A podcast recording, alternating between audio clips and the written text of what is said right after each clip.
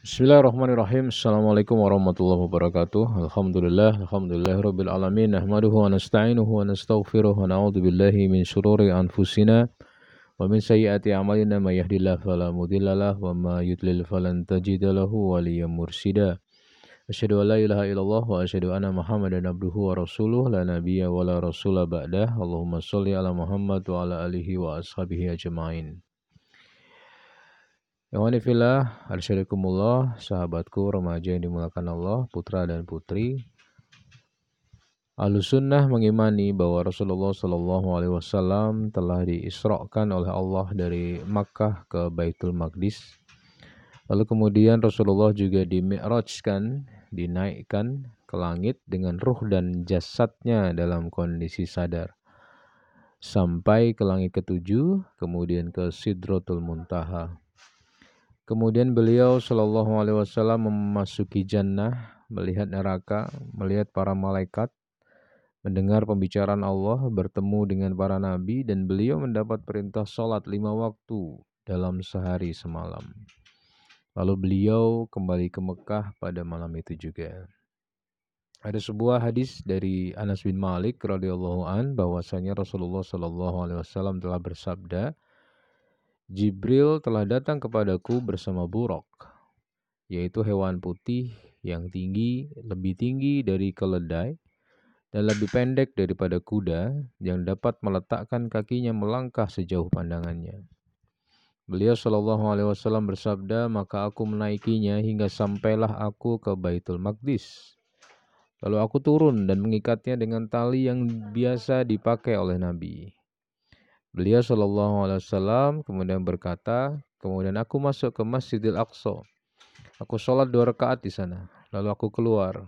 Kemudian Nabi Shallallahu Alaihi Wasallam membawakan kepadaku, mohon maaf, kemudian Jibril alaihissalam membawakan kepadaku satu wadah homer dan satu gelas susu. Maka aku memilih susu, lalu Jibril berkata kepadaku, engkau telah memilih fitrah kesucian. Lalu Nabi Shallallahu Alaihi Wasallam berkata, kemudian buruk itu naik bersamaku ke langit. Maka Jibril meminta agar dibukakan pintu langit. Lalu ditanya, siapa engkau? Jibril menjawab, Jibril. Lalu ditanya lagi, siapakah yang bersamamu? Jibril menjawab, Muhammad. Apakah dia telah diutus? Iya, dia telah diutus. Kami pun dibukakan pintu, lalu kami bertemu Nabi Adam. Beliau menyambutku dan mendoakan kebaikan untukku. Kemudian buruk itu naik bersama kami ke langit kedua, maka Jibril alaihissalam mohon dibukakan pintu dengan pertanyaan yang sama seperti pertanyaan tadi. Kemudian kami dibukakan pintu, lalu Rasulullah bertemu dengan dua orang sepupunya, yaitu Isa bin Maryam dan Yahya bin Zakaria. Maka keduanya menyambutku dan mendoakan kebaikan untukku, kata Nabi. Kemudian buruk itu naik bersama beliau ke langit ketiga, maka Jibril alaihissalam minta dibukakan pintu dan ditanya dengan pertanyaan yang sama, siapa engkau? Siapa yang bersamamu? Apakah dia telah diutus? Dan kemudian Nabi Muhammad dan Jibril dibukakan pintu, lalu bertemu dengan Nabi Yusuf alaihissalam yang telah dianugerahi setengah dari ketampanan manusia sedunia. Lalu Nabi mengatakan, maka Yusuf alaihissalam menyambutku dan mendoakan kebaikan untukku. Nabi Shallallahu Alaihi Wasallam kemudian melanjutkan, kemudian buruk itu naik bersama kami ke langit keempat. Maka Jibril minta dibukakan pintu, lalu ditanya siapa engkau? Namaku Jibril, lalu ditanya lagi siapa yang bersamamu? Dia menjawab, Muhammad Lalu ditanya lagi apakah dia telah diutus kepadanya. Dia telah diutus kepadanya. Maka dibukakan pintu dan Nabiullah Muhammad ketemu dengan Idris alaihissalam. Nabi Idris menyambutnya dan mendoakan kebaikan untuknya. Allah subhanahu wa ta'ala berfirman untuknya dan kami telah mengangkatnya ke tempat yang tinggi.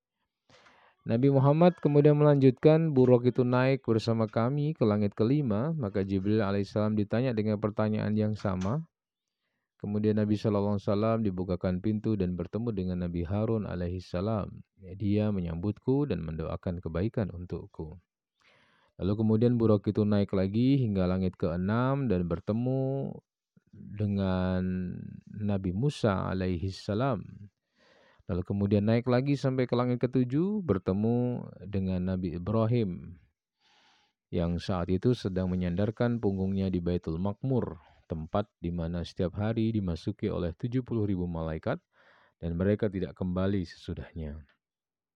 Lalu kemudian Buraq itu membawa Nabi ke Sidratul Muntaha yang lebar dedaunannya seperti telinga gajah dan besar buah-buahnya seperti tempayan besar. Nabi SAW berkata, tatkala perintah Allah memenuhi Sidratul Muntaha, maka Sidratul Muntaha berubah dan tidak ada seorang pun dari makhluk Allah yang bisa menjelaskan sifat-sifat Sidratul Muntaha karena keindahannya. Maka Allah Ta'ala memberiku wahyu dan mewajibkan kepadaku sholat 50 kali dalam sehari semalam. Kemudian aku turun dan bertemu Nabi Musa dan ia bertanya apa yang diwajibkan Robmu terhadap umatmu? Sholat 50 kali. Lalu Nabi Musa mengatakan, kembalilah kepada Robmu dan mintalah keringanan, karena sesungguhnya umatmu tidak akan mampu melakukan itu. Sesungguhnya aku telah menguji Bani Israel, dan aku telah mengetahui bagaimana kenyataan mereka. Nabi Muhammad kemudian mengatakan, Aku akan kembali kepada Robku dan aku akan memohon, Ya Rob, berilah keringanan kepada umatku. Maka aku diberi keringanan lima solat. Lalu aku kembali kepada Nabi Musa, kemudian aku berkata padanya, Allah telah memberiku keringanan dengan hanya lima kali saja. Nabi Musa mengatakan, sesungguhnya umatmu tidak akan mampu melakukan itu, maka kembalilah kepada Robmu dan mintalah keringanan. Rasulullah SAW berkata, aku terus bolak-balik antara Robku dengan Musa alaihissalam sehingga Robku mengatakan, wahai Muhammad, sesungguhnya kewajiban sholat itu lima kali dalam sehari semalam. Setiap sholat mendapat pahala sepuluh kali lipat, maka lima kali sholat sama dengan lima puluh kali sholat.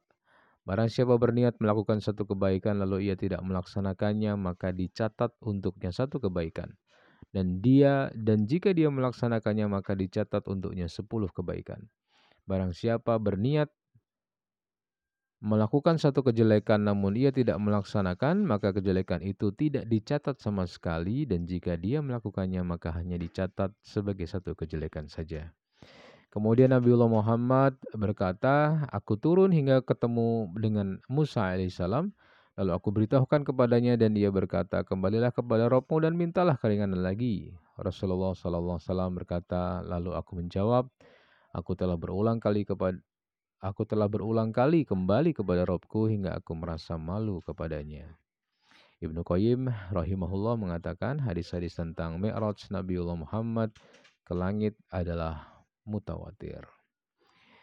Jadi teman-teman remaja rahimakumullah Isra Mi'raj kita yakini benar adanya. Rasulullah diperjalankan secara sadar baik fisik maupun ruhnya dari Masjidil Haram ke Masjidil Aqsa kemudian ke Sidratul Muntaha. Apa hikmah yang bisa kita ambil dari Isra Mi'raj bahwa keyakinan kita kepada Nabi Shallallahu Alaihi Wasallam adalah keyakinan yang besar dan perintah Allah terhadap sholat adalah perintah yang sangat agung. Maka oleh karena itu jangan sampai kita meninggalkan sholat lima waktu karena sholat lima waktu adalah bekal kita menuju Allah subhanahu wa ta'ala. Mudah-mudahan sedikit yang bisa kita share pada kesempatan pagi hari ini bermanfaat untuk kita semua. Alhamdulillahirrabbilalamin. Wassalamualaikum warahmatullahi wabarakatuh.